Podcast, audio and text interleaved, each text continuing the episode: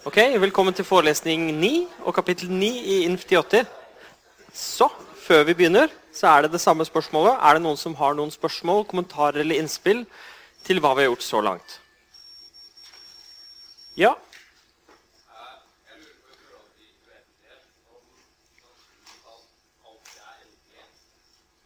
Spørsmålet var når det gjelder uendelighet, om naturlige tall alltid er endelige. Eh, mengden av naturlige tall er en uendelig mengde. Og vi lærte forrige gang at den er tellbar, for det er definisjonen av tellbar. At det går an å sette den i en én-til-én-korrespondanse med de naturlige tallene. Hvert enkelt tall ser vi på som et endelig objekt. Vi ser på tallene som øh, noe som vi tar for gitt. så Vi definerer ikke naturlige tall noe videre enn å si at uh, vet du hva, 0 er ett, og 1 er ett, og 2 er ett, og 3 er ett naturlig tall osv. Uh, vi skal se litt på det i dag, hvordan vi kan faktisk definere naturlige tall, og hvordan vi kan arbeide med det. Besvarte det spørsmålet ditt?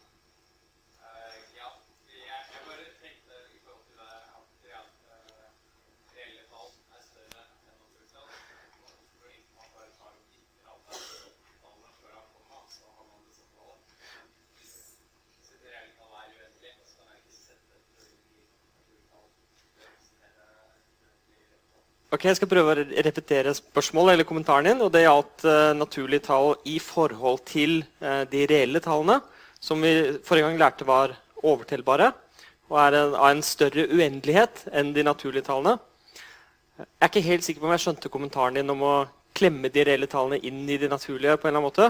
Men vi snakker om mengder som uendelige. Så mengden av naturlige tall på den ene siden er en uendelig mengde. Og det samme er tilfellet med de reelle tallene, bare at den er mer uendelig. Mm. Ja. Jeg håper det besvarte spørsmålet ditt. Hvis ikke så kan vi ta det i pausen. Er det andre spørsmål eller kommentarer eller innspill som jeg kan ta i plenum før vi begynner? Der? Ja. Spørsmålet er om jeg kan forklare litt om bildemengden. Så er det sånn at vi har definert funksjoner. Funksjoner går fra et definisjonsområde til et verdiområde. Noen ganger er vi interessert i hva som blir truffet så å si, i verdiområdet. Om funksjonen vår eh, blir sendt til hele verdiområdet, eller kanskje bare en del av det. Hvis funksjonen treffer hvert element i verdiområdet, så sier vi at funksjonen er surjektiv. Det som funksjonen treffer, kaller vi for bildet til funksjonen.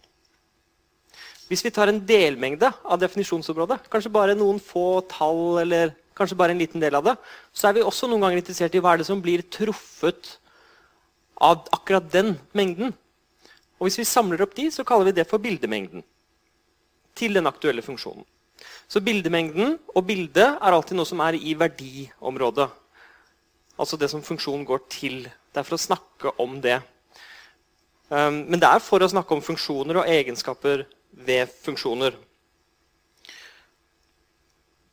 Ok, Er det andre spørsmål som jeg kan, eh, som jeg kan raskt ta i plenum? Noen spurte rett før vi begynte om eh, det vi snakket om sist, som var Hilberts hotell og dette med uendelighet. Vi ga et eksempel forrige gang på et, et uendelig hotell med, med, rom som var nummerert med de naturlige tallene.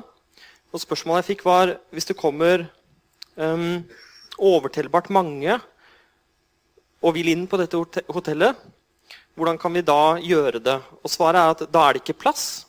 Og Grunnen til det er at det ikke er tellbart. F.eks. hvis det kommer en buss med en kjempemange gjester, og alle de har en merkelapp på seg, og på den merkelappen står det et reelt tall.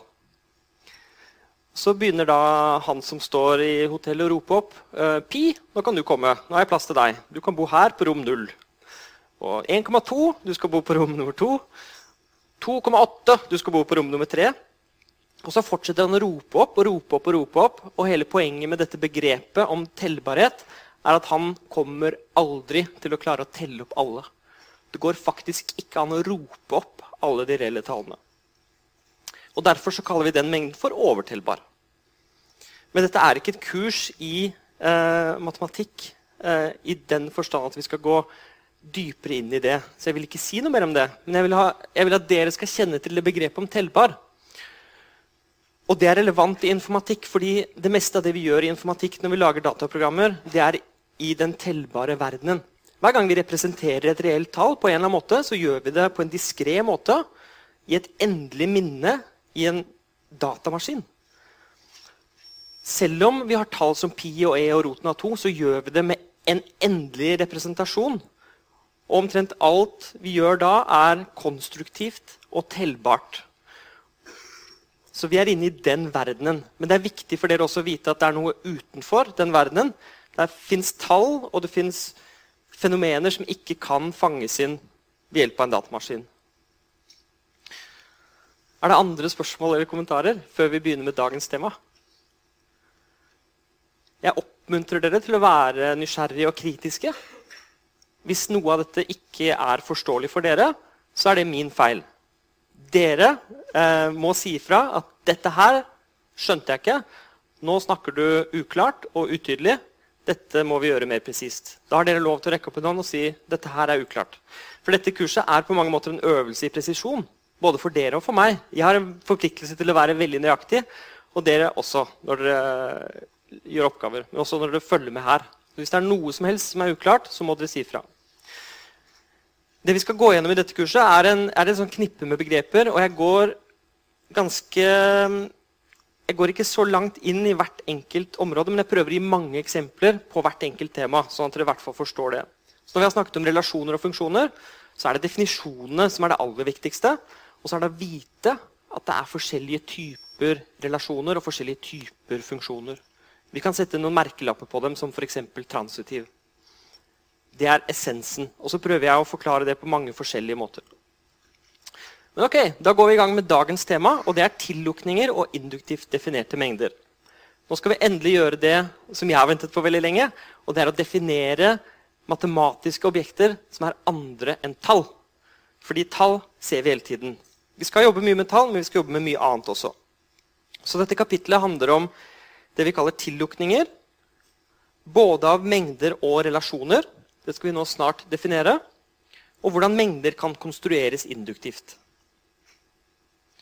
Vi skal se på, og vi ser på hvordan en rekke mengder defineres induktivt på denne måten. Vi skal definere tallmengder, vi skal definere bitstrenger, utsagnslogiske formler, lister, binære trær og programmeringsspråk. Iallfall si litt om det. Hvordan dette kan defineres som presise matematiske objekter og mengder av sånne på en veldig nøyaktig og fin måte. I tillegg skal vi snakke om alfabeter, strenger og hvordan formelle språk også kan defineres induktivt. Jeg forventer ikke at dere skjønner den setningen eller de setningene nå, men etter dagens forelesning så skal det der gi mening. Så når dere eventuelt gjentar uh, dette, eller repeterer det og ser på denne screenkasten, så gir det forhåpentligvis mening.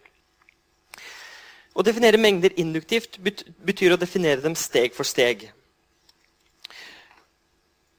Å definere mengder induktivt er en måte å definere mengder på som er nyttig, og som brukes mye i både informatikk og matematikk. Å definere mengder induktivt betyr å bygge dem opp nedenifra eller innifra på en systematisk måte. Det er en måte å konstruere mengder på steg for steg. Når vi har gjort det, så har vi god kontroll på de elementene som er med i mengden, og de som ikke er med i mengden. Så dette er en måte å få bedre kontroll på en mengde på. Det blir enklere å behandle og bevise påstander om en sånn mengde enn om vi definerte den på en mer abstrakt måte. Vi vil også se at det å definere en mengde induktivt er å fange noe veldig komplekst ved hjelp av noen enkle regler. Og Det er noe vi gjør i vitenskap hele tiden. Vi har et eller annet fenomen, noe som vi ønsker å utforske, og så prøver vi å representere det på en eller annen måte med noen enkle regler. Systemet, formlene, det som er det underliggende, det som styrer det fenomenet som vi observerer. Og det er det vi skal se her også, at Disse definisjonene er på en måte å fange inn essensen i en eller annen mengde. Og Som en viktig forberedelse og oppvarming skal vi først se på det som vi kaller tillukninger av mengder og relasjoner. Og Grunnen til det er at vi bruker begrepet tillukning når vi definerer mengder på den måten som vi skal gjøre. Så det er det første vi skal gjøre. Vi er nødt til å snakke litt om konteksten nå, for disse fire kapitlene her, 9, 10, 11 og 12, de henger veldig nøye sammen. Og de bygger på hverandre. Så alt i 10, 11 og 12 bygger på 9. Og disse bygger på hverandre. Og vi skal bygge oss opp mot kapittel 12, som er å bevise påstander om disse mengdene. Så i dag så skal vi snakke om tillukningene og mengdene. Neste uke, på torsdag, ikke på tirsdag, for da er det ingen forelesning, på torsdag så skal vi snakke om rekursive funksjoner. Det er funksjoner som er definert på denne mengden som vi nå definerer, eller på disse mengdene. Og I kapittel 11 så skal vi begynne å bevise ting om mengden av naturlige tall. Og i kapittel 12 skal vi generalisere det og bevise påstander om disse mengdene her. Jeg skal prøve å guide dere gjennom dette på den måten som jeg tror er enklest og best, sånn at dette blir forståelig. Sånn at hvert steg er veldig forståelig og bygger på foregående steg. Men det er viktig at dere avbryter meg hvis noe som helst er uklart i disse fire forelesningene. For dette her er en kjerne som uh, alle vi skal gjennom. Så la oss først gå i gang med tillukninger av mengder. Vi har snakket bitte litt om det. Vi skal nå definere hva en lukket mengde er, og hva, en, hva tillukningen til en mengde er. Så En viktig egenskap ved disse mengdene som vi skal definere, som heter induktivt definerte mengder, er at de er lukket under gitte operasjoner. Og derfor skal vi først definere det. Hva vil det si å være lukket under en operasjon? Vel, At en mengde er lukket under en gitt operasjon, betyr at når vi utfører denne operasjonen, som da er gitt, på ett eller flere elementer, så er vi garantert at resultatet er et element i den samme mengden. Med andre ord, Operasjonen, hva nå enn det er, tar oss ikke ut av mengden. Den beholder oss. Den beholder elementet vi får der inne. Den gir oss noe som fremdeles er i mengden.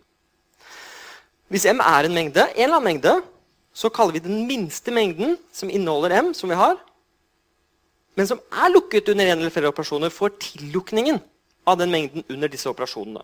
Så du har en bitte liten mengde, og så har du en eller annen operasjon, og så sier du ok, det er ikke lukket under operasjonen, fordi når jeg bruker den operasjonen, så får jeg noe annet. Ok, putt inn, da. Ok, Da fikk vi noe mer. Og så kan vi bruke operasjonen mange mange, mange ganger. Og så bare putter vi inn absolutt alt vi kan få, og da får vi det vi kaller tillukningen. Dette skal vi nå se mange eksempler på, så jeg håper at dette blir tydelig. Er det noen spørsmål til eh, formuleringen i definisjonen? Jeg tror den blir klar når dere ser eksemplene. Okay. La oss se på noen eksempler. Dette er eksempler på tillukning av tallmengder. Så jeg kan spørre er mengden av naturlige tall, som er en veldig fin mengde, lukket under addisjon, som er pluss. Og Da må vi sjekke definisjonen. Å være lukket under betyr at hvis jeg tar um, to tall, to naturlige tall, og så bruker jeg operasjonen addisjon, får jeg da fremdeles et naturlig tall. Ja. Fordi, og Hvis jeg tar to og tre, så får jeg fem. Hvis jeg tar fem og åtte, så får jeg 13. Og det virker som om Uansett hvilke to tall jeg tar, og plusser dem sammen, så får jeg noe som fremdeles er oppi der. Ok, fint. Så jeg vil si at her er svaret ja. Hva med multiplikasjon? Hvis jeg ganger noe med noe annet, og de to tingene jeg ganger sammen, er naturlige tall, får jeg da et naturlig tall? Ja. Til og med med null. Null ganger åtte. Det ble null. Men det var der fra før. Så det var greit. Åtte ganger åtte 64. Bam! Der er 64. Kjempefint. Så den, den er lukket under multiplikasjon, sier vi. Dette er bare en språkbruk for å si noe presist om den mengden. at den, den, er lukket under en operasjon. Så ikke, Hvis noen spør er denne mengden lukket, da er svaret vi vet ikke. Eh, du må jo gi operasjonen. Ok, her er operasjonen. Og da kan du sjekke om den er lukket. Så Det er altså en egenskap ved en mengde pluss en operasjon. Da kan du svare på om den er lukket. Så er mengden av naturlige tall lukket subtraksjon, eller det å ta minus. Nei, fordi her kan vi ta to tall.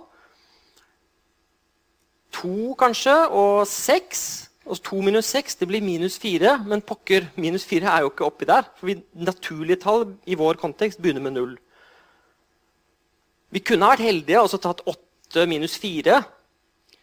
Ja, det blir fire, og det var der fra før, så det går greit. Fem minus tre, ja, det blir to, den var der.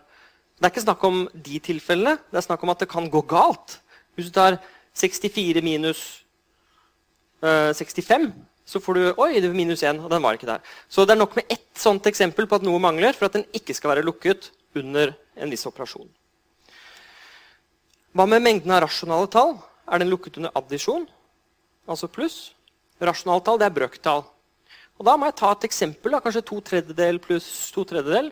Ja, Det blir fire tredjedel. Ja. Ja, det var der. Det var der. Det var et brøktall. En halv pluss en halv, da? Ja, det blir én. Og det var der. For det er også et brøktall. ikke sant? Én er kanskje to delt på to. eller det, et, det kan uttrykkes på den måten. Så det var greit. Hva med multiplikasjon? Og da må man tenke litt etter, men det er også sånn da, at hvis du tar to brøktall og ganger de sammen, så får du et nytt brøktall. Men hva med å ta kvadratrot? Kvadratroten av et tall det er det tallet som er sånn at hvis du ganger det med seg selv, så får du det tallet du begynte med. Og nå kan vi ta for kvadratroten av Hvis du er litt uh, uforsiktig, da, så tar du kvadratroten av fire. Så sier du å, det ble to. Det gikk bra, det. Ja, Den er lukket. Men da var du litt for rask, fordi du kunne for ta kvadratroten av to. Og da får du et tall som ikke er et rasjonalt tall, som ikke er en brøk. Og Derfor så sier vi at mengden ikke er lukket under det å ta kvadratrot. Så er det noen spørsmål til, til dette. Det er, eh, det er, et enkelt begrep som jeg bare nå har gjentatt mange ganger. Bare lukket under en operasjon. Nå skal vi snakke om tillukningen av relasjoner. og Det er kanskje noe mer håndfast, fordi dere har jobbet nå med relasjoner, binære relasjoner. Men vi kan lukke dem også i en helt spesifikk forstand. Og det er denne. Så hvis R er en relasjon, så kalles den minste relasjonen, som inneholder R, og som har en gitt egenskap, for tillukningen av R med hensyn til denne egenskapen. Og for å være konkret, Hvis egenskapen det er snakk om er refleksivitet, symmetri eller transitivitet, som er disse egenskapene vi liker å snakke om, så kalles tillukningen henholdsvis den refleksive tillukningen, den symmetriske tillukningen eller den transitive tillukningen av R, da, som vi begynte med. Så det betyr altså at hvis vi har en eller annen relasjon, og den ikke er symmetrisk, så kan vi ta tillukningen av den. Vi kan ta den symmetriske tillukningen og få den, den symmetriske relasjonen. Øh, som er den minste som utvider den vi begynte med.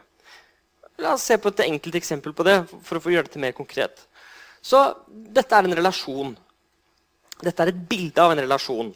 Hvis dette elementet her er 1, og dette er 2, og dette er 3, så vil denne relasjonen, som da er en delmengde av alle mulige tupler, er dere enig i dette, være denne relasjonen her. Nemlig at 1 er relatert til 2. Det er en måte å skrive ned den relasjonen sånn matematisk på. Og Det er altså en delmengde. Alle relasjoner skal være det. Det er kravet til en, til en relasjon. At det er en delmengde av 1, 2, 3, mengden som inneholder de, krysset med altså det kartesiske produktet av den mengden der. Og det er kravet til, eh, til hva en relasjon skal være. Hva, nå lurer jeg altså på hva den refleksive tillukningen er. Og per definisjon så er det den minste relasjonen som utvider denne, og som er refleksiv. Og det jeg må gjøre da, er å legge til de tre der. Så det å gå fra en mengde til den refleksive tillukningen, det er å gjøre sånn her. Fordi denne er nå refleksiv, den som jeg får.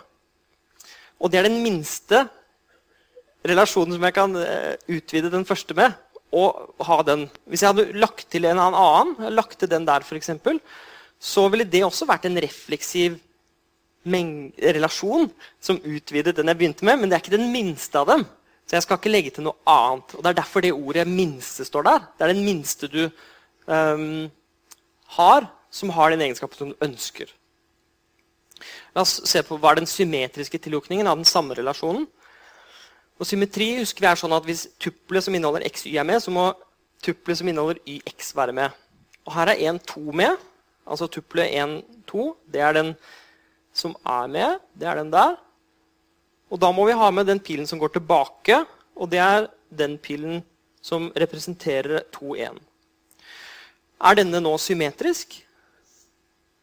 Ja. Det er selve definisjonen av symmetri. at Hver gang du går fra en sånn prikk til en annen prikk og følger en pil, så er du nødt til å kunne komme tilbake der du kom fra. Hvis det ikke holder, hvis den ser sånn ut som det her, så er den ikke symmetrisk. Det er det vi mener med symmetri.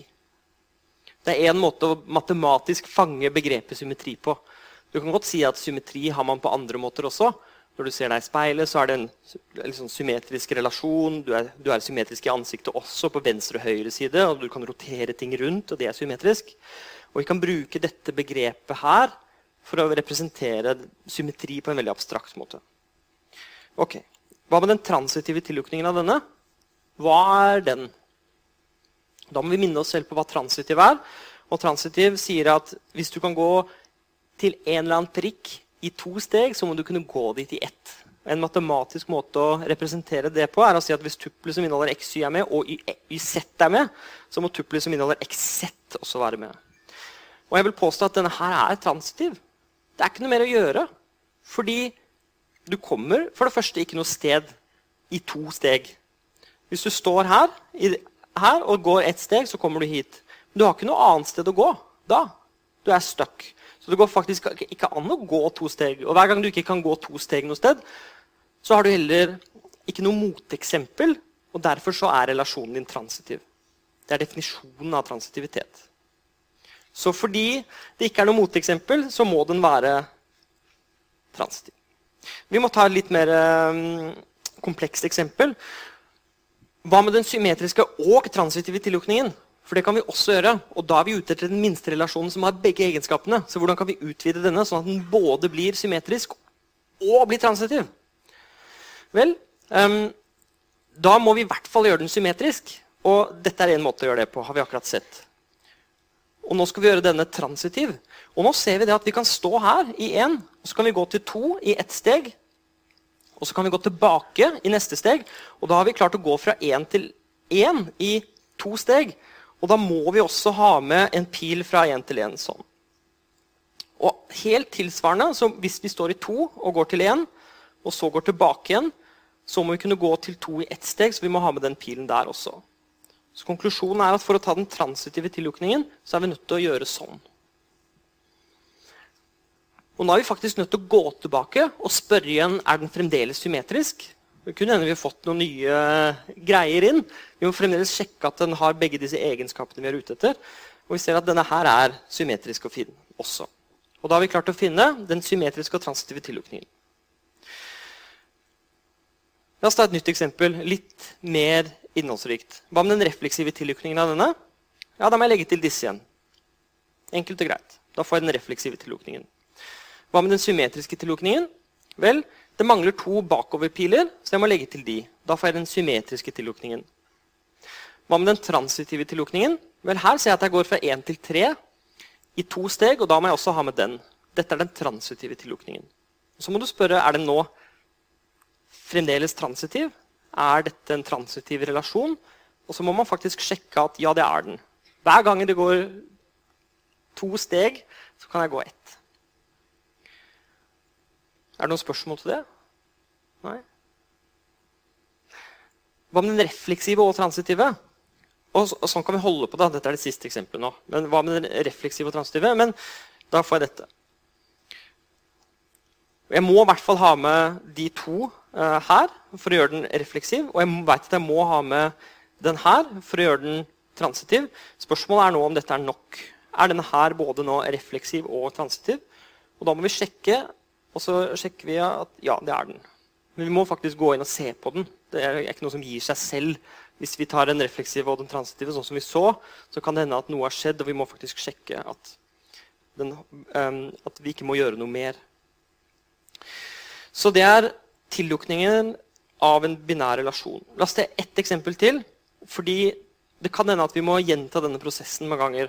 Så var den transitive tillukningen av 1, 2, 2, 3 og 3, 4. Da har jeg denne situasjonen at jeg har fire sånne her. En, det ble veldig lite bilde, da. La meg gjøre sånn. Dette er de fire. 1, 2, 3, 4. At én er relatert til to, det ser sånn ut. At to er relatert til tre, ser sånn ut. Og tre er relatert til fire. Og da må jeg eh, ha med eh, Fordi jeg kan gå fra én til tre i to steg. Ser dere det? Så må jeg ha en pil fra én til tre. Jeg må ha den pilen der. Og fordi jeg kan gå fra to til fire i to steg, så må jeg også ha med den pilen der. Så vi ser at tuplene 1, 3 og 2, 4 mangler. Men det er faktisk ikke nok å legge til dem. Og det er derfor jeg har med dette eksempelet. For resultatet av det, det som er tegnet med piler der oppe, og det som er representert med tupler der nede, er faktisk ikke en transitiv relasjon. Så jeg spør dere, hvorfor er det ikke det? Ja?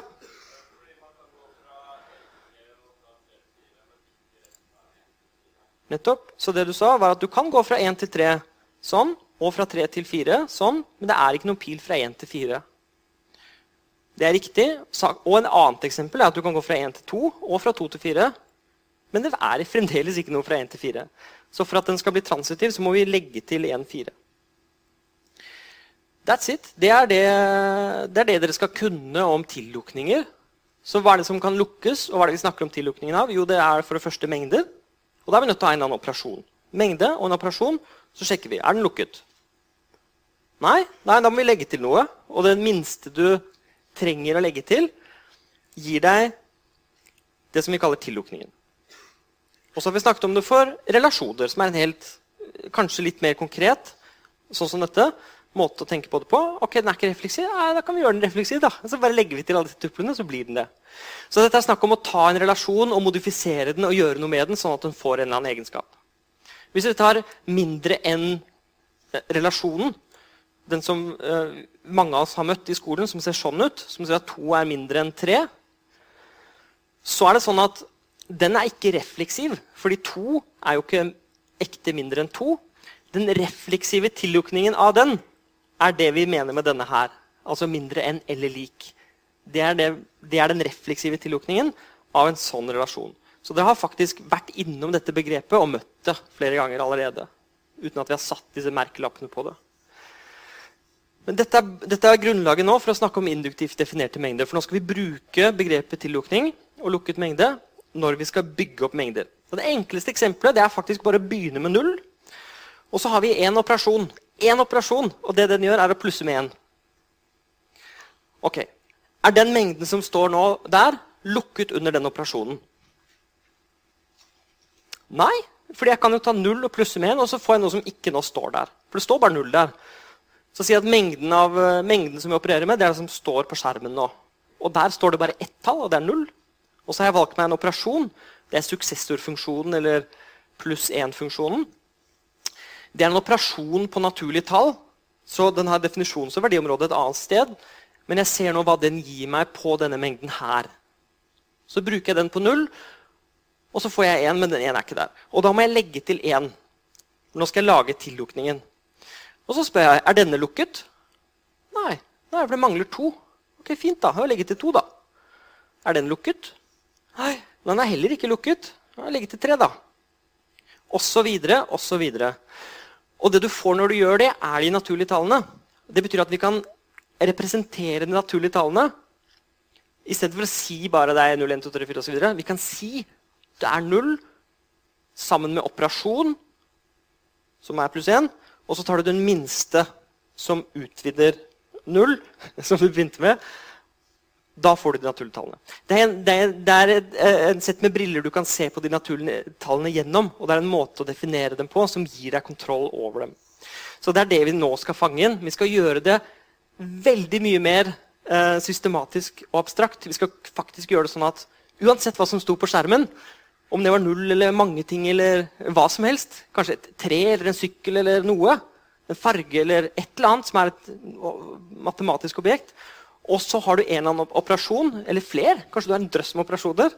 Og det du får når du lukker den mengden under disse operasjonene, det er det vi kaller en induktivt definert mengde. Har dere skjønt det jeg sa nå, så har dere skjønt resten av det jeg skal si i dag. For det er det det er. Det er å begynne med noe, ha en operasjon og lukke. Det er alt. Nå skal jeg bare gi Resten av tiden i dag skal jeg bare gi, bruke til å gi masse eksempler på det, og hvorfor det er kult og bra og nyttig og interessant. Men vi må gjøre det grundig også, så vi må da definere hva vi mener med en sånn induktivt definert mengde. Og det er, og den definisjonen er superkort. En induktivt definert mengde er den minste mengden som inneholder en gitt mengde. Og det kaller vi for en basismengde, og som er lukket under gitte operasjoner. Ferdig. Dette er faktisk hele definisjonen. Så du begynner med noe, du har en operasjon, og du tar det minste. Og det vi begynner med, kaller vi ofte for basismengden. Uansett hva vi begynner med. En mengde defineres altså induktivt i følgende tre steg. Dette er bare en repetisjon, for hele definisjonen står der allerede. Men det er altså basissteget. Det er å spesifisere noe du begynner med. Det er startpunktet. Det kan du velge helt fritt. Absolutt hva du vil. Induksjonssteget er å spesifisere operasjonene. Der er du også helt fri. Du kan gjøre akkurat hva du vil. Og så må du ta tillukningen og ta den minste mengden som inneholder basismengden, og som er lukket under disse operasjonene. Så På engelsk kaller man dette for base case eller basis. Og så har man da et induksjonssteg, eller induction step. Og så har man det man kaller closure. Så en lukket mengde er altså, på engelsk er closed set. Så er det noen spørsmål til definisjonen. Da tolker jeg det som at det er klart da, og tydelig. Eh, jeg håper iallfall det er det. Det er meningen. Er det noen ord der som er uklare, eller noe dere ikke skjønner der? Nei? Ok. Da snakker vi om løk, da. Fordi eh, Nå er vi ferdig med forelesningen, nesten. Ja, men en, en løk symboliserer på en måte det vi holder på med. For inni midten der så er det noe, og så har du lag på lag utover. Så hvis jeg nå skulle hatt null der inne, så hadde jeg fått én her. Glem den der, da. Det er irrelevant. Så hadde jeg fått to der, tre der, fire der. Og så må vi forestille oss at den løken fortsetter uendelig. da.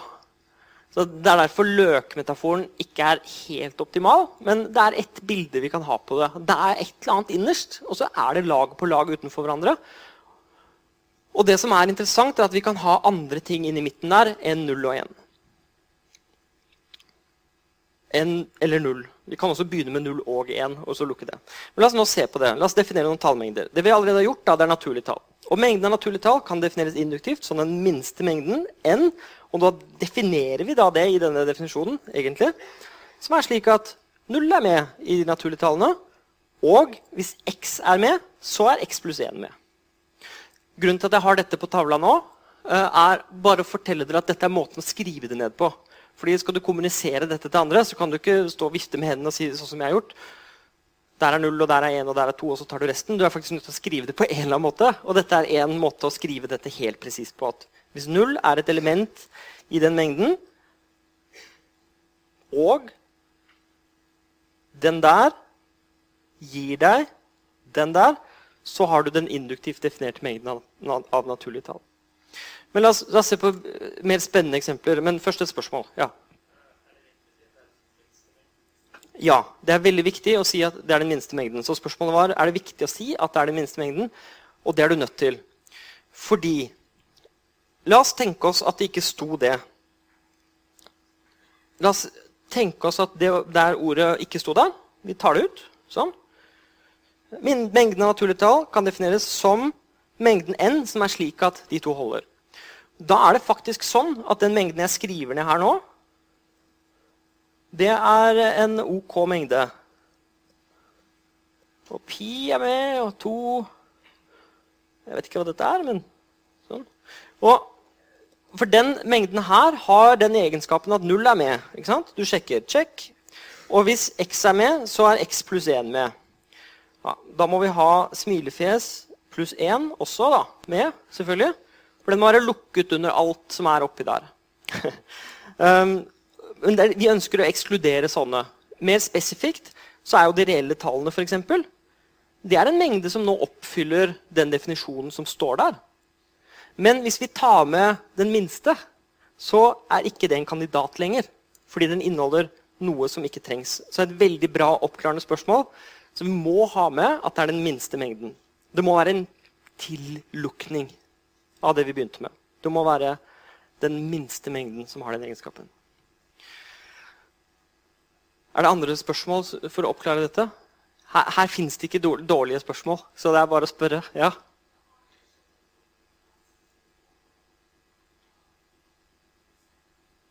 Spørsmålet er hva er forskjellen mellom basismengden og den minste mengden i denne sammenhengen. Og basismengden det er kun mengden av det vi begynner med. Så her så er dette her basismengden. Det er mengden som står av null. Og den minste mengden, som inneholder den, og som er lukket under pluss 1, det er den. Så det er forskjellen. Eh, basismengden er det du begynner med. Og den minste mengden med disse egenskapene det er det du får til slutt etter at du har holdt på med dette uendelig mange ganger. Men det vi gjør på en veldig fin måte, er jo å fange inn en uendelig prosess, eller resultatet av en uendelig prosess.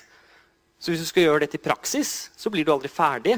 Vil, du vil bruke um, tid uh, på hvert enkelt steg. Og det spørs på størrelsen av tid. Så det, det er en resultat av en uendelig prosess. Det er viktig. Og det er en måte å fange en veldig presis den uendelige prosessen på. La oss ta noen mer spennende eksempler. Nå er vi ferdig med naturlige tall. Hva med partall?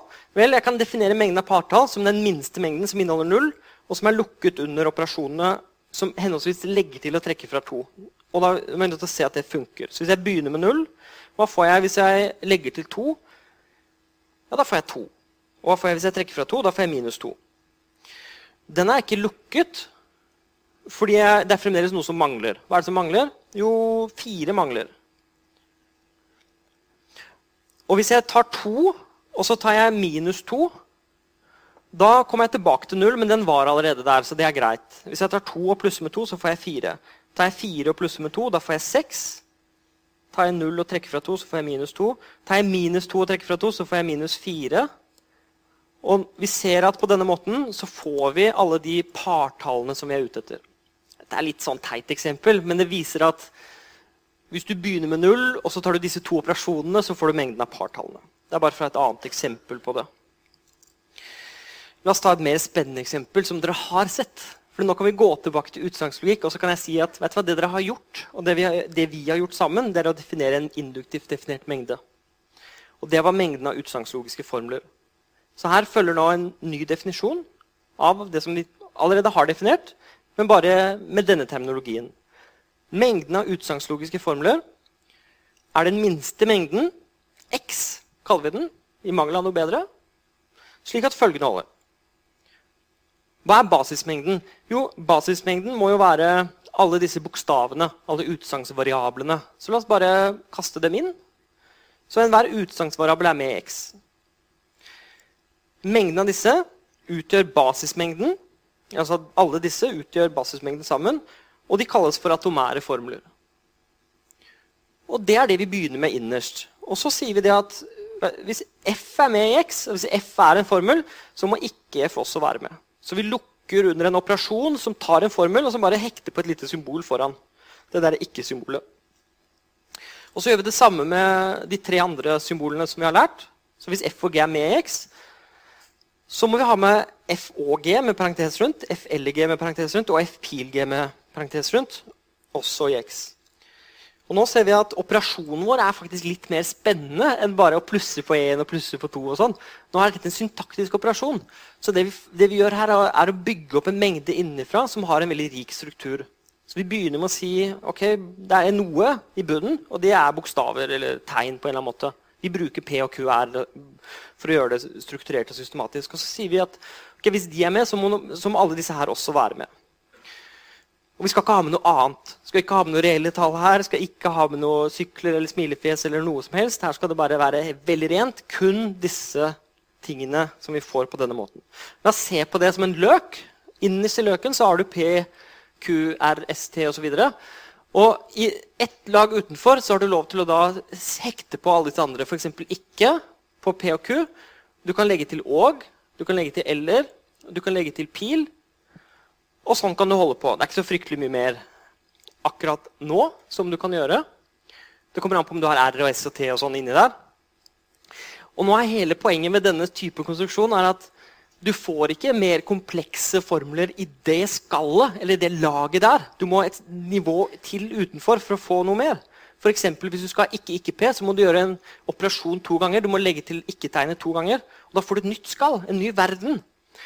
Og i den verden så er det en del nye ting som dukker opp, som ikke var i det skallet innenfor. Nå kan vi f.eks. ta eh, denne her, ikke P, sette den der. Ta ikke Q, sette den der. Og så legger du til dette rundt, som gjør at du får en ny formel. Og sånn går det. Du kan fortsette på denne måten, og så får du et nytt skall, og så fortsetter du utover der. Og hele denne mengden blir en uendelig mengde. Veldig stor. Eh, alle disse små bitene er faktisk også uendelige, fordi inni her, inni her så er det uendelig mange også. For det er sted, og så kan du kanskje si P1, P2, P3. Hvis du har gått tom for bokstaver, så kan du bare sette på sånne små tall. Så det er uendelig mange. Men hvis det er tellbart i midten, så blir alt også tellbart utover. Og det er, en, det er derfor vi også har snakket om tellbarhet. Fordi du, du, går ikke over i noe som er super, uh, noe som er overtellbart. Så det er, det er utsagnslogiske formler. Sett fra disse induktivt definerte mengdenes perspektiv. Eh, skal jeg nå tolke at dere er helt stille? Som at eh, dere følger med og syns at dette er gøy? Eh, eller at dette er forståelig? Eller er dere sånn i total forvirring og vet ikke hva jeg snakker om? Hvis det er det siste, så gi meg et tegn. Ja, bra. Ok. Hvis det er det første, at dette er greit, gi meg en tommel opp. Og masse tomler opp. Sånn kan jeg rapportere til de som hører på et, ettertid. Kjempefint. Ok. Men det det er ingen spørsmål til dette? Det er så fint, da. Det er, men det er ikke vanskelig. Du begynner med noe i midten, og så bygger du deg oppover. Ja, spørsmål?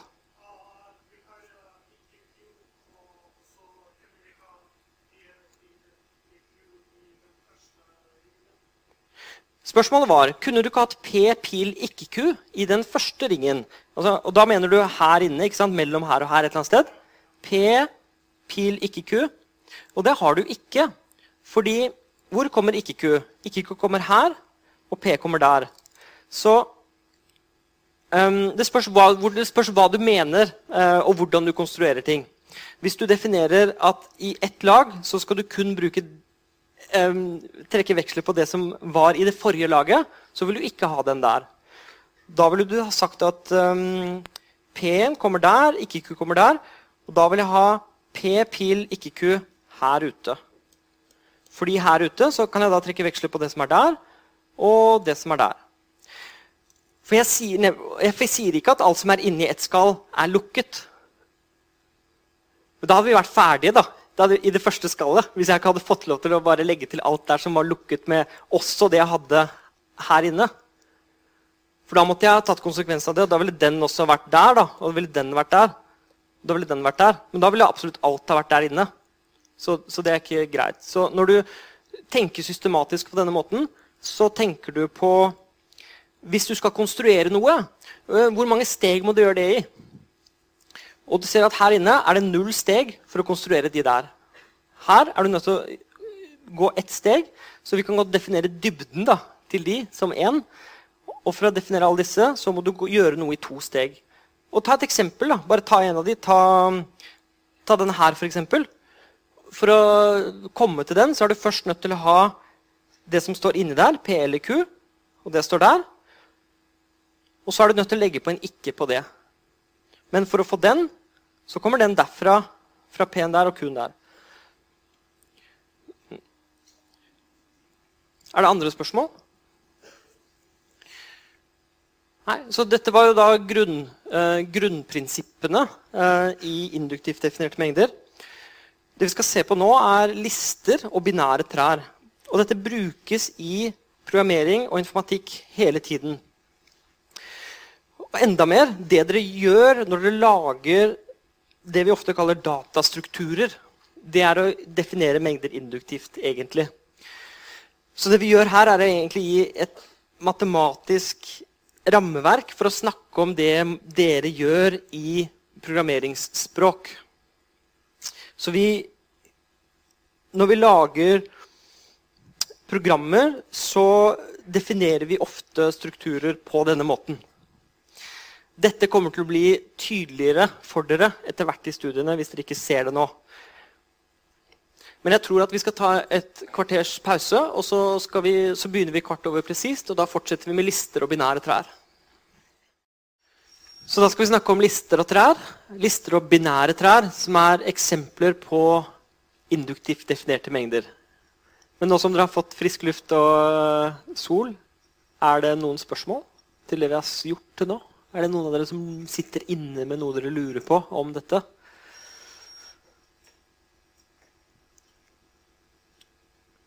Så det er en sånn tretrinnsrakett, på en måte, hvor vi begynner med en basismengde og den kan være stor, den. Kan være hva som helst, egentlig. Og så begynner vi med en mengde operasjoner. Og De kan være mange, og de kan være veldig forskjellige. Når vi definerte utsagnslogiske formler, så hadde vi fire forskjellige operasjoner. Og så tar vi tillukningen av mengden vi begynte med under disse operasjonene. Da har vi en induktivt definert mengde. Hvis dere har skjønt det, så har dere skjønt essensen i dette. Så resten nå er faktisk eksempler på det. Men det er eksempler som er nyttige og som kommer igjen og igjen. Og To av disse er lister og binære trær. Så nå skal vi faktisk definere hva vi mener med lister og hva vi mener med binære trær. Og dette er begreper som dere kommer til å møte igjen og igjen i informatikk. I de fleste programmeringsspråk så fins det en form for lister bygget inn. Det er en, noe vi kaller en datatype eller en datastruktur som er i mange programmeringsspråk. I flere programmeringsspråk er det noen moduler som man må laste inn, så har man lister. Noen andre programmeringsspråk så er lister det eneste som fins. Så alt er bygget opp av lister. Men, men, det begrepet er der. Vi har sett noe som ligner veldig på lister, og det er tupler. Fordi et tuppel er jo bare en sekvens med noen greier, og så er det klammer rundt. Så hva er egentlig forskjellen på lister og tupler? Fordi jeg skriver her, Det er ikke det samme som tupler. Det er noen forskjeller som vi skal vite om, og den ene forskjellen er at de skrives forskjellig. Men det er den åpenbare. Den andre er at når du skal implementere dette i en datamaskin, så er det ofte tupler, eh, eller arrayer, sånne som man kan aksessere i konstant tid. Så selv om du har en, et, et, tuppel som er 100 elementer langt, eller det er 100 ting inni der, så tar det ikke lengre tid å komme frem til det siste elementet som det første. Du kan hente ut hvilket som helst, og det tar like lang tid. Lister er litt annerledes. Lister er, som vi nå skal definere, det er sånne som vi må grave oss inn i. Så det å komme til det hundrede elementet krever kanskje 100 operasjoner. Så det er én forskjell nå trenger vi ikke å kunne det eller vite noe om det uh, for å skjønne det som blir sagt her. da. Men, men, det er bare for å motivere at dette er et annet begrep enn det vi allerede har sett. Hvis ikke så ville det ikke vært noe vits å snakke om lister. Og Jeg viser dere også dette for at dere skal se det er to, flere grunner til det. Bare bli litt kjent med lister, og at vi skal bruke det som et eksempel på induktivt definerte mengder. Vi skal nå skrive lister med å angi elementene i listen med komma mellom, og sette parentesene som står der, utenfor. I boken så er de litt større enn vanlig og bitte litt blå. Men det er bare for å hjelpe oss når vi skal lese det. Det har ingen sånn annen betydning enn at de er på en, skrevet på en bestemt måte. Så dette her er den tomme listen.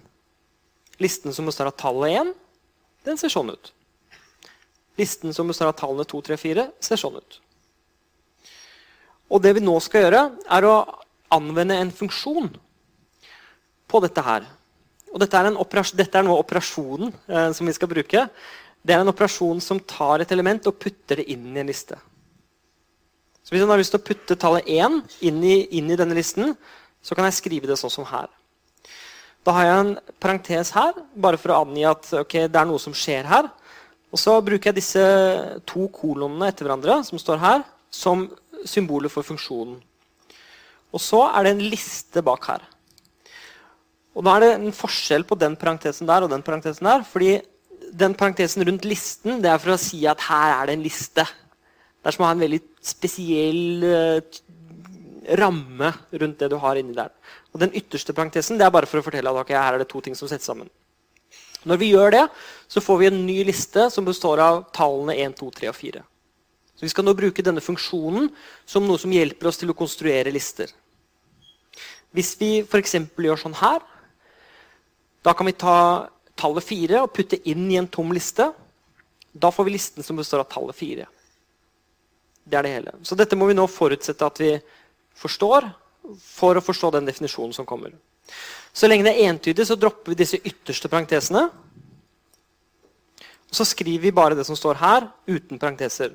Men da må det være entydig og ikke gi oss noen problemer. Men de parentesene rundt listen må være med, for det er sånn vi forteller at det er en liste. Når dere skriver dette, så bruker dere bare vanlige parenteser. Ikke noe uh, blått eller spesiell type.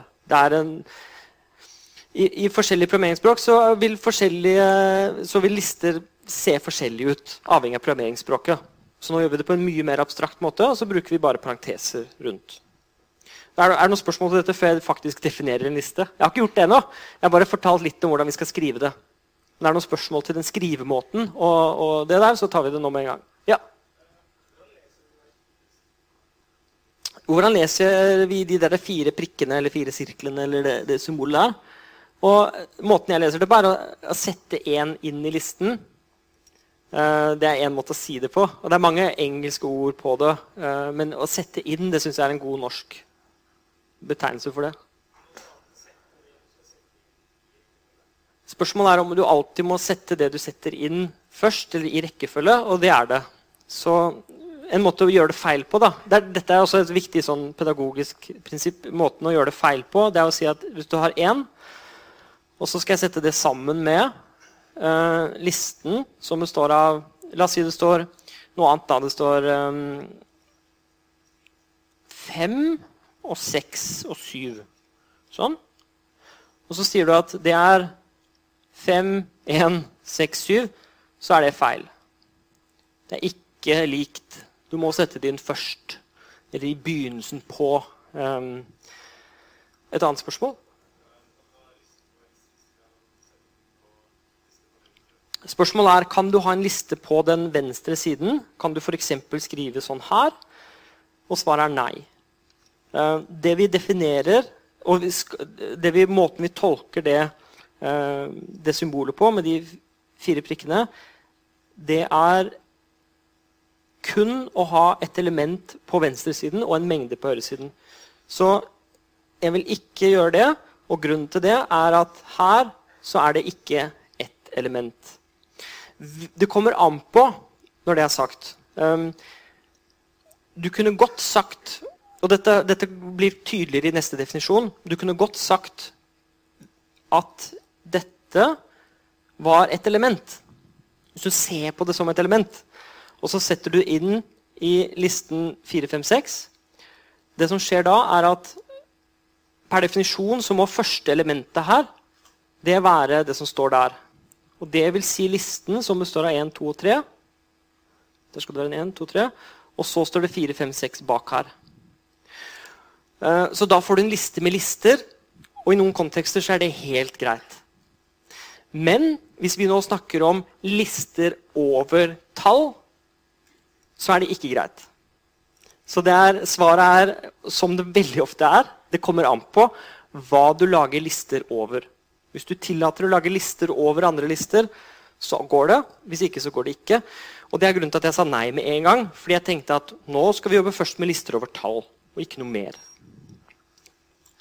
Bra. Jeg liker så godt å få sånne spørsmål, fordi de klarer opp å tydeliggjøre ting som jeg kanskje hopper over fordi jeg er vant til dette og ikke tenker over at dere ikke har sett det før.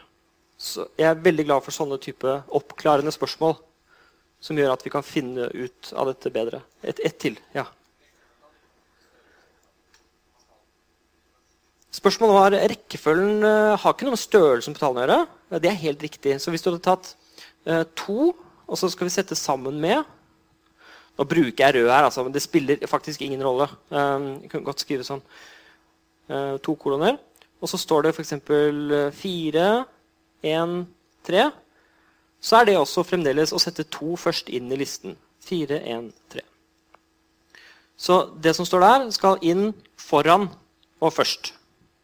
Så det har ikke noe med rekkefølgen av tallene i listen å gjøre. Et annet spørsmål? Hva skjer hvis det er 4, 1, 3 og 2? Jeg skjønner ikke spørsmålet. Ok, så La oss ta enda et eksempel. Hvis du, står, hvis du skal legge Nettopp. Et veldig fint spørsmål. Hva sier at du har to, og så er det allerede to i listen? Kanskje det til og med står to, fire, én, tre sånn. Hva får du da? Ja, da får du to først i listen, og så får du det du hadde der fra før. Og elementene i listen kan forekomme hvor mange ganger som helst og i hvilken rekkefølge som helst. Igjen et veldig fint og oppklarende spørsmål. Så du har noe, og så legger du bare noe inn først. Nå kan vi definere den induktivt definerte mengden. Og dette er definisjonen av lister. Så mengden av lister, som er nå det vi skal ende opp med, over en mengde A Og den A-en har nå vært naturlig tall, men A-en kan være hva som helst. Er induktivt definert, induktivt definert som den minste mengden, slik at følgende holder. Vel, den tomme listen er en liste over A. Og vi sier da at dette er den tomme listen over A. Den må være med. Så uansett hva A er, som da er eh, det som ligger bak, så er den tomme listen det første vi har. Så basismengden består ikke av A, det består av den tomme listen over A. Det er det som er i midten. Men så kommer den andre biten. og Hvordan skal vi nå systematisere det og si det jeg nå sa, på en strukturert måte? Vel, hvis, hvis du har noe i A, hvis du velger deg en eller annen X i A, så ønsker du å, å fortelle at det også skal kunne legges til i en eller annen liste. Så hvis X er i A og L La oss bruke det som en navn på en liste. Er en liste. Hvis de to der er tilfellet, så ønsker jeg en operasjon som legger X inn først i L. Og det ser sånn ut. X puttet inn i L. Da må det også være en liste. Så dette er operasjonen. Jeg tar en eller annen X i A kanskje det er naturlig tall, da, og så putter jeg det inn i en eller annen liste som jeg har fra før. Og da får jeg en ny liste. Og Det er akkurat det som står der. Hvis X er et element i A, og L er en liste over A, så er X satt inn i L også en liste over A.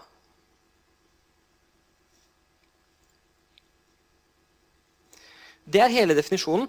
Og denne her fanger inn alle mulige lister. Skal vi ta et enkelt eksempel på det og bare se hvordan det funker? La oss lage en sånn løk. Men vi må, før vi lager løken, må vi velge oss en A. Så har det noen en god kandidat til A? La oss ta en liten X. Det er et sånn symbol. Kan vi, bare, vi, kan godt bruke det som symbol også. Og så tar vi tallet 2. Og så tar vi et smilefjes. Jeg skjønner ikke hvorfor det er Ok, sånn. Ok. Det er A. Matematikk er frihet. Jeg kan gjøre akkurat som jeg vil. Det kan godt være noe annet inn der. Du kan tegne hjerter og hva som helst. Hva er nå basismengden? Jo, det er det som er inni her. Det er den tomme listen over A. Hva får jeg nå i neste steg? Jo, jeg får alt som jeg kan sette sammen ved hjelp av det symbolet, og noe. Så her får jeg da X satt inn i den tomme listen. Jeg får to satt inn i den tomme listen. Og jeg får smilefjeset satt inn i den tomme listen. Og det skriver vi på sånn som jeg sa i sted, det skriver vi som x inne mellom disse parentesene. To mellom disse parentesene. Og smilefjeset inni disse parentesene. Sånn. Så Derfor så tar jeg nå bort den mer tungvinte måten å gjøre det på. Og så bare anvender jeg funksjonen, og da får jeg de der inni der. Og i neste steg Um, her er smilefjeset, og her er parentesene. I neste steg nå, her ute kan jeg ta bort de, Så kan jeg sette noe ting inn i de listene. Så hvis jeg nå tar um, denne her, som består av tallet 2, og så velger jeg meg f.eks. x her oppe, som kommer fra A, så kan jeg tegne et nytt element her, og det er x satt inn i den listen som jeg hadde fra før. Og Måten å skrive det på er jo x,2. For det er å sette x inn i den listen som jeg allerede hadde. Men jeg kan også sette x inn i de andre, så jeg kan få xx. Jeg kan få x smilefjes. Og så kan jeg sette 2 inn i en liste som jeg hadde fra før. Og da kan jeg få 2 og så x, for jeg setter to inn i den listen der. Eller så kan jeg sette x inn i listen som allerede hadde x. Nei, det har jeg gjort, det. Skal vi se Ok, Så jeg gjør ting i omvendt rekkefølge. Jeg kan ta to og sette inn i den listen som allerede hadde x. Jeg kan ta to og sette inn i listen som allerede hadde to, eller jeg kan sette to inn i listen som allerede hadde smilefjeset. Så da har jeg på en måte vist alle måtene jeg kan sette inn to på. Men jeg kan også sette smilefjeset inn i en eller annen liste. Jeg tror dere har skjønt poenget nå. Men jeg kan godt fullføre denne, dette skallet. da. Så jeg setter to inn i den, så får jeg den. Nei, hvis jeg setter smilefjeset inn i den. så får jeg den. Hvis jeg smilefjeset inn i listen som består av to, så får jeg den. Og den siste jeg får her, er to smilefjes etter hverandre. Beklager at jeg tegner så ufint sånn. Det var mer slitsomt enn jeg trodde. Da fikk jeg ni nye lister der. Skjønte du det? Si ja. Eller uh, si, si, ja eller si ifra. Altså, grunnen til at jeg tegnet den tegningen, er egentlig å fortelle dere at innerst så er det basismengden. Så jobber vi oss utover. Og det vi ser da inni dette laget her, innenfor her og her så får jeg alle lister av lengde 1. Her får jeg alle lister av lengde 2. Og her ute får jeg alle lister av lengde 3. Og her får jeg alle lister av lengde 4. Så her ute får jeg f.eks. listen som består av 2, 2, XX. For eksempel. Videre. Her ligger XXX. her. Ikke innenfor. Fordi måten å lage XXX på er å ta den der og legge til en X først. Ok? Så er det noen spørsmål til dette bildet eller til, til, den måten å konstruere ting på. Dette er en matematisk definisjon av lister. Ta et eksempel. da. Um, for å få listen 1, 2, 3 så begynner vi med den tomme listen, og så legger vi til elementer ved hjelp av å sette inn. Og Måten å gjøre det på er sånn. Og det vi først gjør, det er å sette tre inn i den tomme listen. Og når vi gjør det, så får vi det her. Så her jeg kun skrevet opp det som er i forrige linje, bare at jeg erstattet det med det. Og så setter jeg to inn i den listen. Og så jeg gjør den operasjonen der. Da får jeg listen som består av de to tallene. Og så setter jeg én inn i den, så får jeg det. Så dette er den systematiske måten å lage listen med tre tall på. Innifra. Så, så dette er lister. Er det noen spørsmål om lister? Nei? Vi, for nå kommer alle disse eksemplene på strukturer, på induktivt definerte mengder. Og så skal vi neste omgang lage funksjoner på disse mengdene. Vi skal f.eks. lage en rekursiv funksjon som tar en liste inn, og som gir lengden på listen ut. Det skal vi gjøre neste gang. Vi skal ta, lage en funksjon som tar en formel inn, utsagnslogisk formel, og som gir, tall, som gir et tall ut. Hvor lang er den? Eller hvor mange symboler er det i den? Et spørsmål?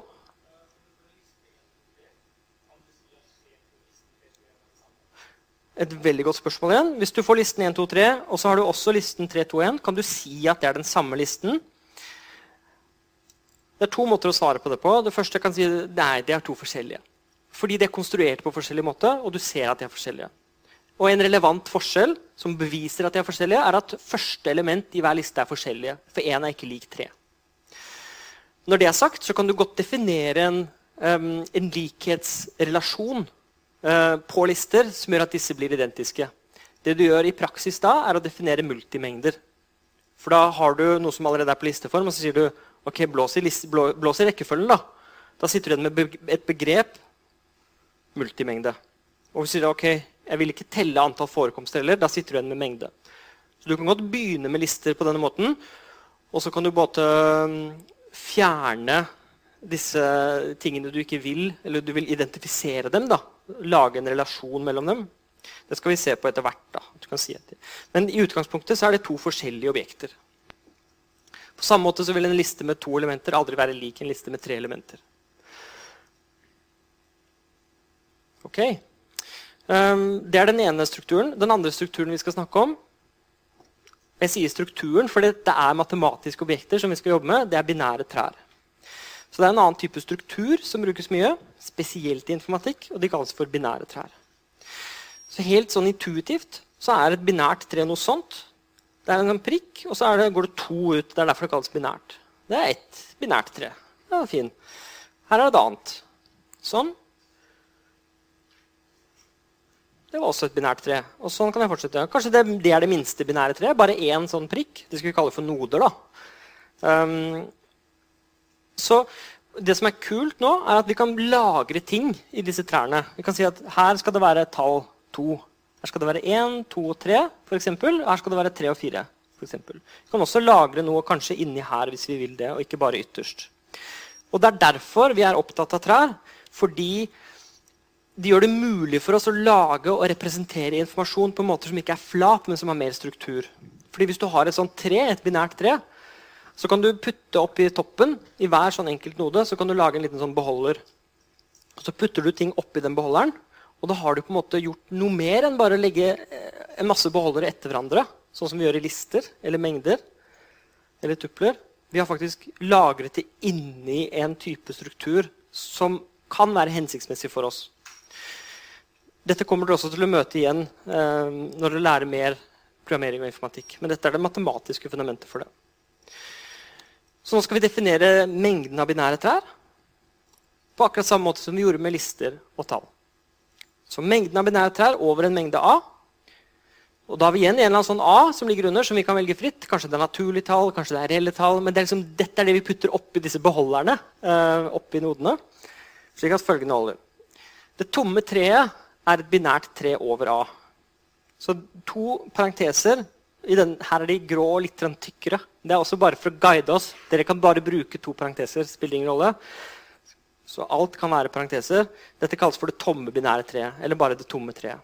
Så dette er per definisjon bare hva, akkurat hva som skal være inni midten i basismengden. Og så må vi ha noen operasjoner.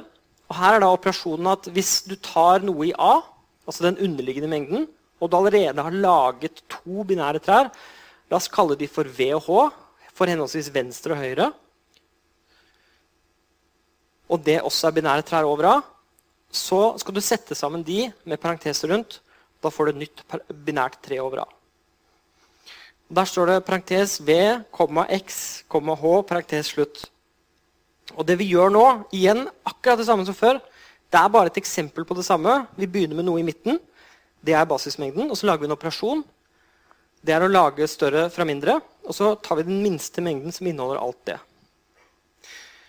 Og nå er det lurt å sette noen merkelapper og navn på dette. Og vi kaller da X i denne konteksten for en node i det binære treet. Så det vi plukker fra A, eller den underliggende mengden, de kaller vi for noder. Og hvis noe er på denne formen her Hvis du tar og setter sammen Dette her er V, som er den tomme treet. Og så har du H, som også er det tomme treet. Og så setter du X mellom, så kaller vi det for en bladnode eller en løvnode. Jeg skal prøve å bygge opp litt intuisjon om det nå. Men er det noen spørsmål til den formuleringene i definisjonen?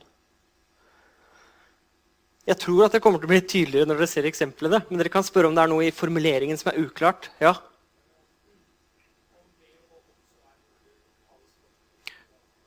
Spørsmålet er om VH kalles for noder, og det gjør de ikke. Eh, spørsmålet er om de er noder. Da kalles Hvis VH VH eh, er binære trær. Det er et eller annet vi har laget. Det betyr at de er på den formen her. Det betyr at de kan være bladnoder. Um, X kalles alltid for en node. Så uansett hva vi putter inn i treet, så kalles det for en node. Det vi ikke kaller, spørsmålet er det hva vi ikke kaller en node. Jo, det er disse tomme trærne. Den der, f.eks. Det kaller vi ikke en node. Men alt som er i, satt sammen sånn, i denne konteksten nå to tomme. Det kaller vi en bladnode. Dette er bare terminologi. Eh, det er ikke fryktelig viktig at dere pugger det. eller eh, Det må dere ikke gjøre. Men det er mekanismen her og hvordan vi gjør ting, som er mye viktigere. Dette er noe å komme tilbake til hvis man ønsker å komme tilbake til ok, hvordan, Hva var forskjellen på en node og en bladnode? Eksempel? så er dette én måte å skrive den forskjellen på. Jeg har lyst til å vise et eksempel, og så kan vi diskutere definisjonen eh, i lys av den. Hvis jeg tar to tomme trær og så setter jeg sammen med to, da får jeg et tre som ser sånn ut. Dette er et binært tre. To er en eh, node. Hele greia her er en bladnode. Det er et binært tre. La oss ta to binære trær og sette sammen med tre. Da får vi dette binære treet her. Og tar vi to tomme trær og setter sammen ni, da får vi det binære treet der. Og nå er dette her V og dette H. Og så velger jeg 6, som er et element i A. Da får jeg hele greia med parenteser rundt, som er ett stort binært tre. Og For å ta et enda mer komplekst eksempel så kan jeg gjøre dette her. Jeg kan først lage dette binære treet her. Det er en bladnode. Og så kan jeg sette sammen det med denne her, som også er det. Og da får jeg et nytt tre her. Og På samme måte så har jeg da satt sammen to små den tomme tre og den tomme tre med én og få ett, og så sette sammen det til å få et stort. Nå er det en måte å tegne disse på som er mye mer elegant. Hvis vi ikke har lyst til å se inni beholderne, så kan vi bare tegne dette her som en prikk. Og vi kan tegne dette som en prikk med to eh, noder over. Og vi kan tegne dette her på denne måten. Der er det bare én, og der er det én,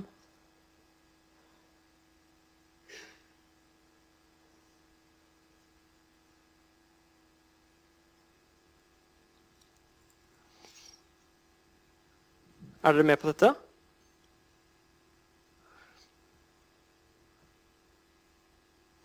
Um,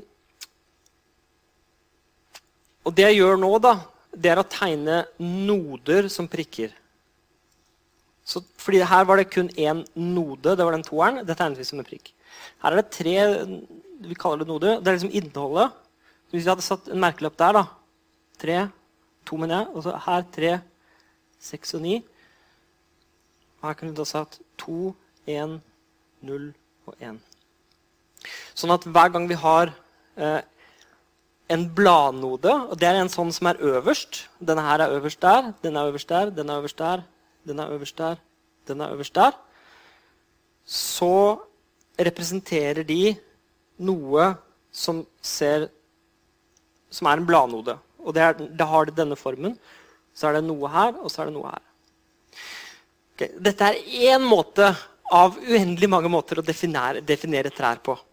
Bare så det er sagt. Um, dette er for å gi dere et eksempel på en struktur som er rikere og mer interessant enn noe som er så flatt og kjedelig som en liste. Lister og tall er kult. Dette her er kulere. Og det er vanskeligere. Det er litt mer, fordi Jo mer struktur det er, jo mer må vi tenke. Og, og det, kan, um, det kan fort gå litt sånn i, i Hva skal jeg si? Uh, litt sånn i stå. Um, så jeg anbefaler dere å gå tilbake til definisjonen og leke litt med dette her. Dette er ikke supersentralt, men det er ett eksempel på hvordan vi kan begynne med noe, og så bare bam! Bygge opp et helt univers av det vi i dette tilfellet kaller for binære trær. Er det noen spørsmål til dette? Uh, det en, jeg vil egentlig her gi en smakebit på noe som er ordentlig. Dette er liksom et av de første eksemplene på noe som er uh, skikkelig ordentlig. Uh, matematikk. Men ta et spørsmål.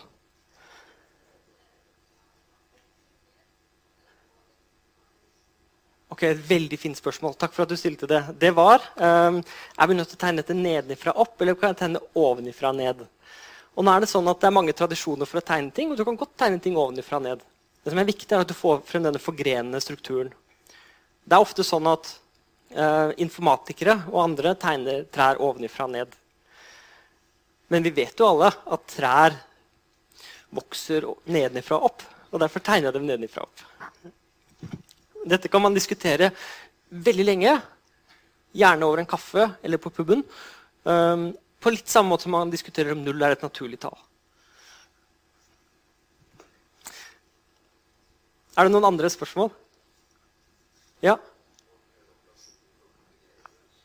Et veldig godt spørsmål igjen. Går det an å gjøre operasjoner for å kombinere trær? Det jeg gjør her, er å bare definere mengden. Det vi faktisk har, er en måte å kombinere trær på. Fordi selve operasjonen her den tar ett tre, et som du allerede har. Kall det for V. Og så tar det et annet tre, H, som du allerede har. Og så sier han at da kan du faktisk sette sammen de to trærne til et nytt tre. Med et eller annet annet i bunnen. Noe du plukker fra den underliggende mengden. Så vi har faktisk sett en operasjon på trær her. Men det grunnen til at spørsmålet er så fint, er at vi kan lage mange andre operasjoner på trær. Noe som gir deg et tre, og som lager et nytt. Eller som tar deg to trær og lager et nytt. på en eller annen måte. Kanskje man skulle være helt crazy. Dette er ikke pensum. Men la oss ta et tre og et annet. Og så tar du det første treet, og så putter du det i toppen i alle bladnodene på det første treet du hadde. Ser, ser du hva jeg gjør? Jeg ganger på en måte trærne. For hver bladnode så får jeg et nytt tre på toppen. Det er en annen operasjon på trær. Og Sånn kan man holde på å leke. og, og holde på, Man kan ta differanse mellom trær og ta union av dem og kombinere dem. og det er ikke måte på. Du kan flette dem. Du kan ta to trær sånn, og så kan du bare kjøre de sammen. på en eller annen måte, Så lenge du definerer det helt presist. Sånn at du tar et tre og et annet tre, så gjør du noe med dem. for et nytt tre. Fint. Du kan til og med definere induktivt definerte mengder på den måten hvis du gjør det helt presist. Så dette er bare begynnelsen på en lang reise forhåpentligvis i datastrukturer, algoritmer og spennende strukturer. Eh, spennende tanker. Programmeringsspråk er induktivt definerte mengder. That's it. Det er det eneste jeg ville si om det. Jeg har ikke lyst til å gjøre det. Jeg har bare lyst til å si det. Fordi eh, dere lærer Java. Og Java er bygget opp av sånne små bestanddeler. Int x er lik 3. Det er liksom veldig liten som igjen er bygget opp av x og lik og 3 og kolon. Og dette er en induktivt definert mengde, for de begynner helt innerst med variabler og masse andre ting. Og så gir i definisjonen av språket deg en måte å ta disse på og sette sammen til nye. Hvis jeg har definert en funksjon sant, og en annen funksjon, så kan de være en del av det samme programmet. Og Da kan du lage, ta små programmer og sette sammen større. Egentlig så må du gjøre dette sånn at du tar uttrykk og setter sammen med uttrykk. Og så får du da uttrykk tilbake. Og så må du si at noen av disse uttrykkene er lovlige, andre er ikke det. Så det er mange måter å gjøre det på. Men det er å definere ting induktivt. Det vi skal snakke om, er alfabeter, tegn og formelle språk. Og dette er et, enda et eksempel på induktivt definerte mengder. Men igjen så er det bare et eksempel. Så men dette skal være med oss da, eh, videre i kurset. Det er ikke spesielt vanskelig. Um, det er sånn at Vi bare begynner med en mengde tegn. og det kan være hva som helst, Og det kaller vi for et alfabet. Og Det vi nå skal definere, er det vi kaller strenger over det alfabetet. Og det er ikke noe annet enn å bare sette sammen ting ved siden av hverandre. La oss si at det alfabetet er bokstavene A, B og C. Tre bokstaver, tre tegn. Det er en del av alfabetet. Og det å sette sammen masse A-er og B-er og C-er ved siden av hverandre, det er det vi skal gjøre nå. That's it. Så vi bare skal formalisere det, at vi kan sette sammen de ved siden av hverandre. Da får vi det vi kaller strenger. Hvis det hadde vært tre sifre, f.eks. 0, 1 og 2, så kunne vi laget sekvenser av sånne. Da er det det som er strengene våre. Så vi bare setter dem sammen og lager strenger. Og mengden av strenger over A det er da den minste mengden som har noen egenskaper, og den kaller vi for A stjerne. Så A er, Vi kan velge helt fritt hva som helst. Ut fra den så definerer vi A. Nå fungerer mengden A som basismengden. Mm.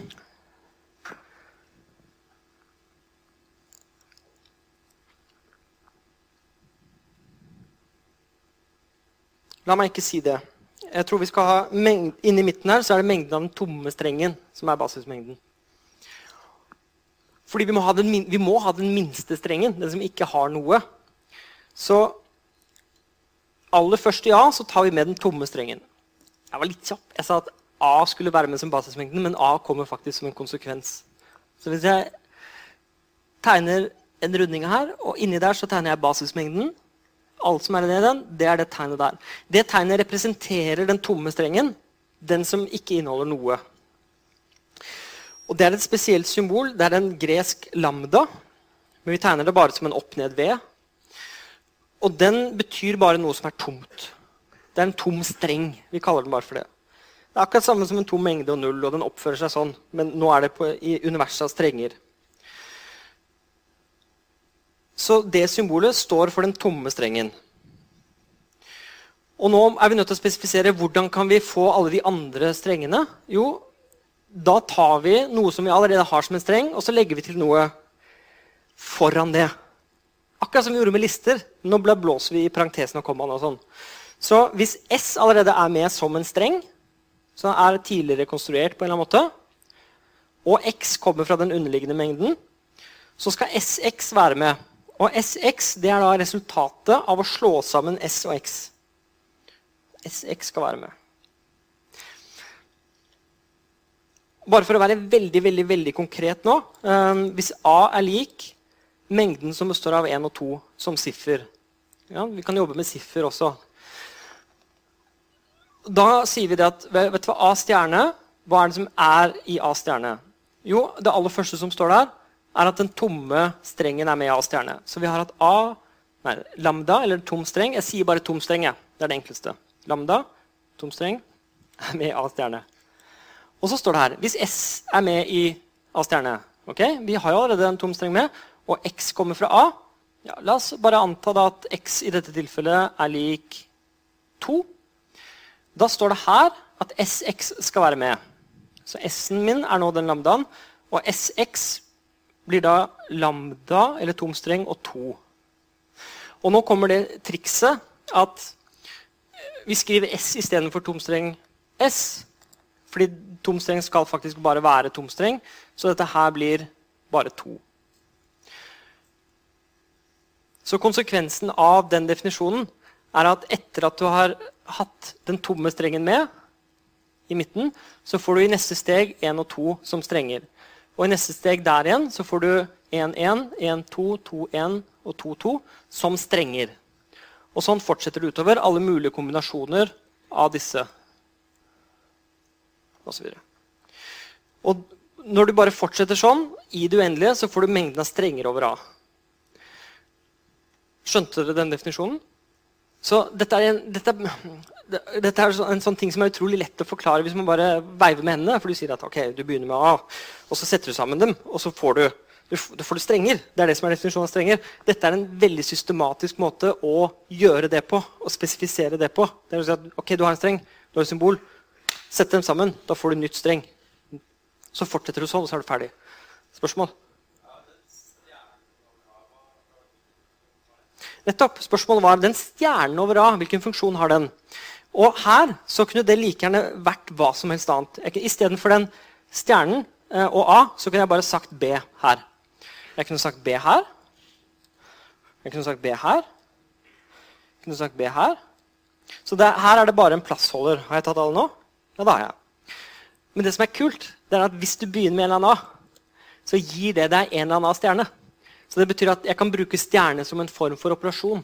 Så hvis du har et annet alfabet, så er faktisk A stjerne mengden av alt som er over det alfabetet. Så jeg begynner med en annen mengde. D, f.eks. Da kan jeg lage D stjerne. Da får jeg alle strenger over det. Så hvis det er et alfabet, så er det stjerne alle, mengden av alle strenger over det. Så det er en måte å si at hvis du begynner med noe, så kan du ta mengden av alle strenger over det. Et språk over A er definert som en delmengde av absolutt alle strenger. Så På den siden som dere ser der nå, så er det definert ordet alfabet. Alfabet er bare mengden du begynner med. Og så er ordet strenger definert. En streng er å sette sammen tegn fra alfabetet inntil hverandre. Bare sette de ved siden av hverandre. Det er hele definisjonen. Den gjør det sånn som vi gjorde med lister, at vi setter til ett helt til venstre. Og så jobber vi oss, lager vi større og større strenger. Så er ordet tom-streng er definert som lambda. Det er den minste. Og så sier vi at et språk det er en delmengde av alle. La oss gjøre dette konkret. Her er mengden av strenger over noen veldig enkle alfabeter. Hvis du begynner med den tomme mengden, dvs. Si at du, du, har ingen tegn, hva, hva, hva, slags språk, eller hva slags mengde av strenger får du da? Vel, den tomme strengen. Det er det eneste strengen du kan ha.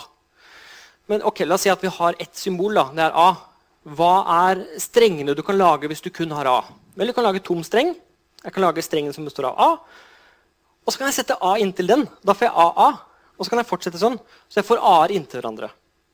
Dette er mengden av alle strenger over det alfabetet. Hva hvis jeg begynner med 0,1?